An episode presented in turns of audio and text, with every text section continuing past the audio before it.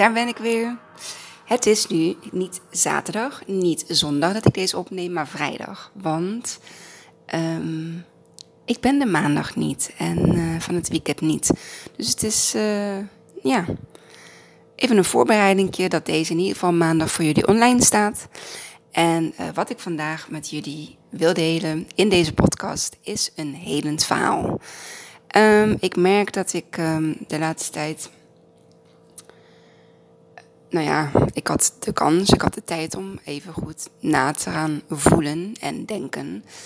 Uh, welke richting ik nu eigenlijk uh, op wil. Ik bleef een beetje hangen, ik hield mezelf een beetje tegen. Um, en ik ja, vroeg mezelf af of ik wel uh, op de goede weg was.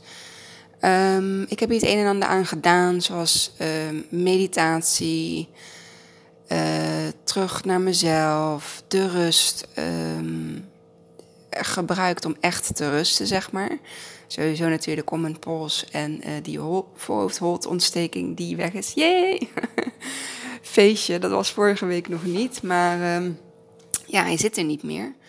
Dus ik uh, praat niet meer naar zaal, ik heb mijn eigen stem weer terug. En ja, ik ben blij. Dus... Um,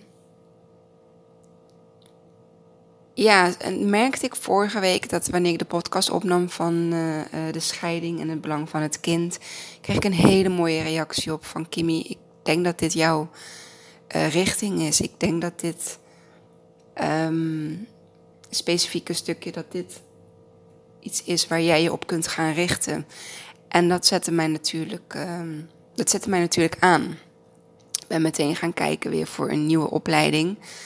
Um, ja, voor een kindcoach uh, in uh, de scheidingssituatie. Uh, en ik moet zeggen dat, ja, daar ging ik wel, um, daar werd ik wel warm van.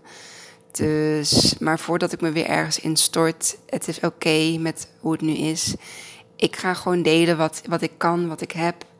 En een van die dingen die ik tijdens de opleiding Hedend Kindcoach heb uh, geleerd, is het hedend verhaal. En een hedend verhaal is, ja, is zoiets moois, zoiets, het lijkt iets heel kleins, maar op het moment dat je een hedend verhaal hebt en, en het kind um, wordt meegenomen, ja, dan heb, je, dan heb je een prachtig cadeau voor het kind. Um, je schrijft een soort van herkenbare situatie, tussen aanhalingstekens het probleem of de klacht. En um, ja, het karakter. Uh, in het verhaal geef je het uh, karakter een positieve boodschap en oplossing mee. Um, en dat komt dan aan bij het kind. En ze pakken dit feilloos op. En daardoor zie je al aan de manier op hoe ze kijken als je het voorleest, is belangrijk dat je ja, goed naar het kind kijkt op het moment dat je verhaal vertelt. Um, wat het met hun doet, zeg maar. Vooral hele jonge kinderen, ja, die leven nog sterk vanuit hun fantasie. En uh, dat zie ik ook bij Isa heel sterk. Echt uh, ja, vanuit missies en, en, en, en, en boeven vangen. En ja, goed, sprookjes en verhalen. Dus dat is super leuk. Uh, een hedensverhaal is eigenlijk altijd op maat geschreven.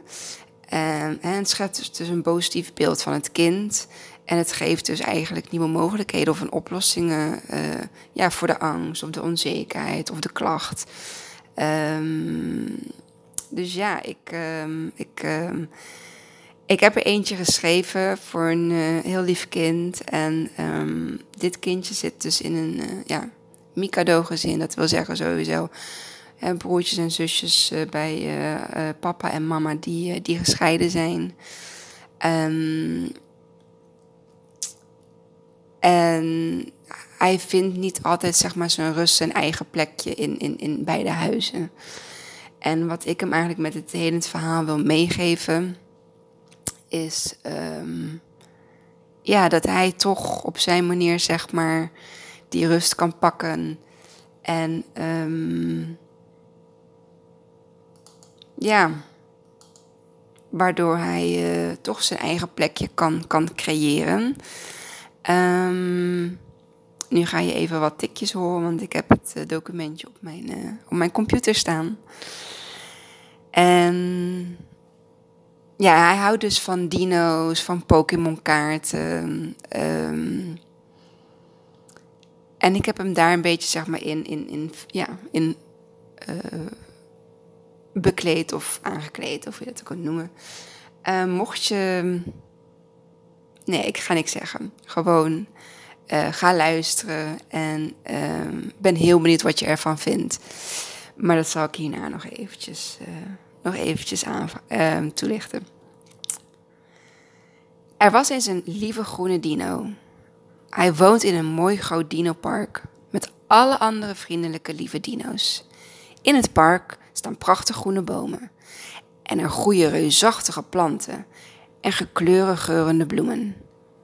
Er is een heel groot schitterend blauw meer waar de dino's kunnen baden in het heerlijke aangename water. En ze kunnen chillen op de warme zandvlakte met zacht zand of op de koele gasvlakte met het heerlijk vers ruikend groen gras. Dino woont een paar dagen in de week bij zijn mama Dino en de andere paar dagen bij papa Dino. Dino heeft ook een zus en ook bonusbroers en zussen, omdat papa en mama niet meer bij elkaar wonen. Dat is gezellig, maar dit kan ook wel eens heel druk zijn voor Dino, waardoor hij thuis wel eens zijn eigen plekje mist om even tot rust of tot zichzelf te komen. Hij speelt altijd met zijn beste maatje Jamie. Samen gaan ze erop uit en beleven ze de leukste dingen. Ze lopen samen grote rondes door het bos en ze spelen er verstoppertje. Wat overigens niet echt makkelijk is voor een dino om achter een boom of struik te verstoppen. Zijn billen en grote staart verraden meestal waar hij zich heeft verstopt, waardoor hij dus gezien wordt. Maar er zijn ook grotten. En in die grotten hebben Dino en Jamie hun geheime plek. Niemand kent deze plek. Het is dus winters lekker warm.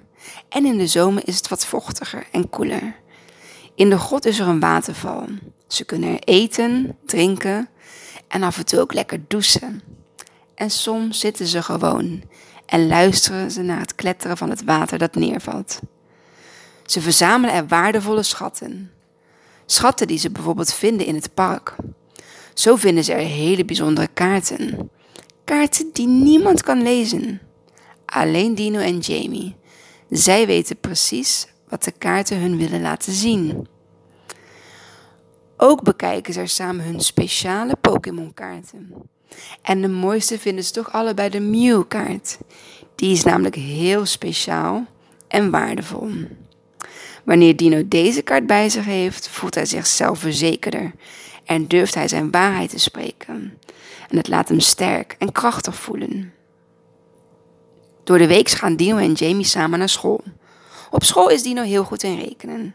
Maar het allerleukste wat hij vindt om te doen op school is tekenen. In het tekenen kan hij zijn gevoelens kwijt, zichzelf uiten en lekker creatief bezig zijn. Alles wat er in zijn hoofd speelt, kan hij dan op het papier kwijt. Van grote spannende avonturen tot ook wel gevoelens. Verdrietige gevoelens, blije gevoelens, boze gevoelens. Alles kan en mag op het papier. Tino en Jamie liggen samen op de groene gasvlakte onder een grote stevige boom met, een hele grote donk, met hele grote donkergroene bladeren die schaduw maken. En Dino vraagt aan Jamie: Jamie, kun jij thuis tot rust komen? Jamie zegt: Hoe bedoel je precies, Dino? Nou, in je hoofd of in je lijf. In mijn hoofd spelen er zich vele verhalen en gedachten. En ik kan het niet altijd goed een plekje geven. Dan is het thuis ook nog zo druk met mijn familie. En ik mis het dan om even mijn eigen plekje te hebben. Of om even mezelf te zijn. Oh, dat bedoel je, zegt Jamie. Jazeker. En weet je wat ik dan doe? Ik zet mijn koptelefoon op en ga onder mijn deken liggen. En ik beeld mezelf in dat ik in een veilige hut zit. Zoals onze God bijvoorbeeld. En ik maak in mijn gedachten de hut precies zoals ik hem hebben wil. Ik neem mijn favoriete leesboek en mijn lievelingsknuffel mee naartoe. En soms, Dino, ben jij er ook? En als alles compleet is, stel ik mezelf voor dat ik op een warm zacht kleed lig. Je weet wel, net als een schapenvachtje. En dan haal ik een paar keer diep adem, een keer of drie.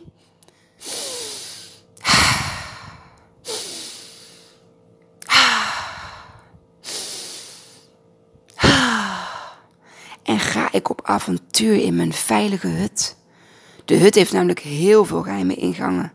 Naar allemaal verschillende avonturen. En iedere keer dat ik naar mijn veilige hut ga, beleef ik weer een nieuw avontuur. Soms is het spannend, grappig, verdrietig, geweldig. En soms ook een beetje eng avontuur. Maar weet je dat ik zelf mijn avontuur bedenk? Van begin tot het eind. Ik ben de regisseur van mijn eigen avontuur.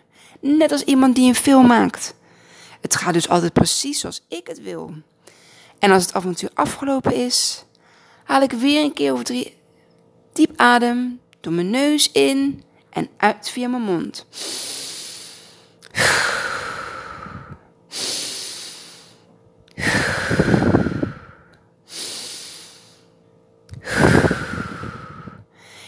Blijf ik nog in mijn hut totdat ik er klaar voor ben om weer onder mijn deken vandaan te komen. En dan geef ik meestal mijn moeder een hele dikke knuffel. Dino is stil. Hij heeft zijn ogen dicht. Dino, Dino, Dino, zegt Jamie en hij geeft hem een duwtje. Huh, huh? schrikt Dino even. Jeetje, Jamie, ik zat in een ontzettend spannend avontuur en jij was er ook.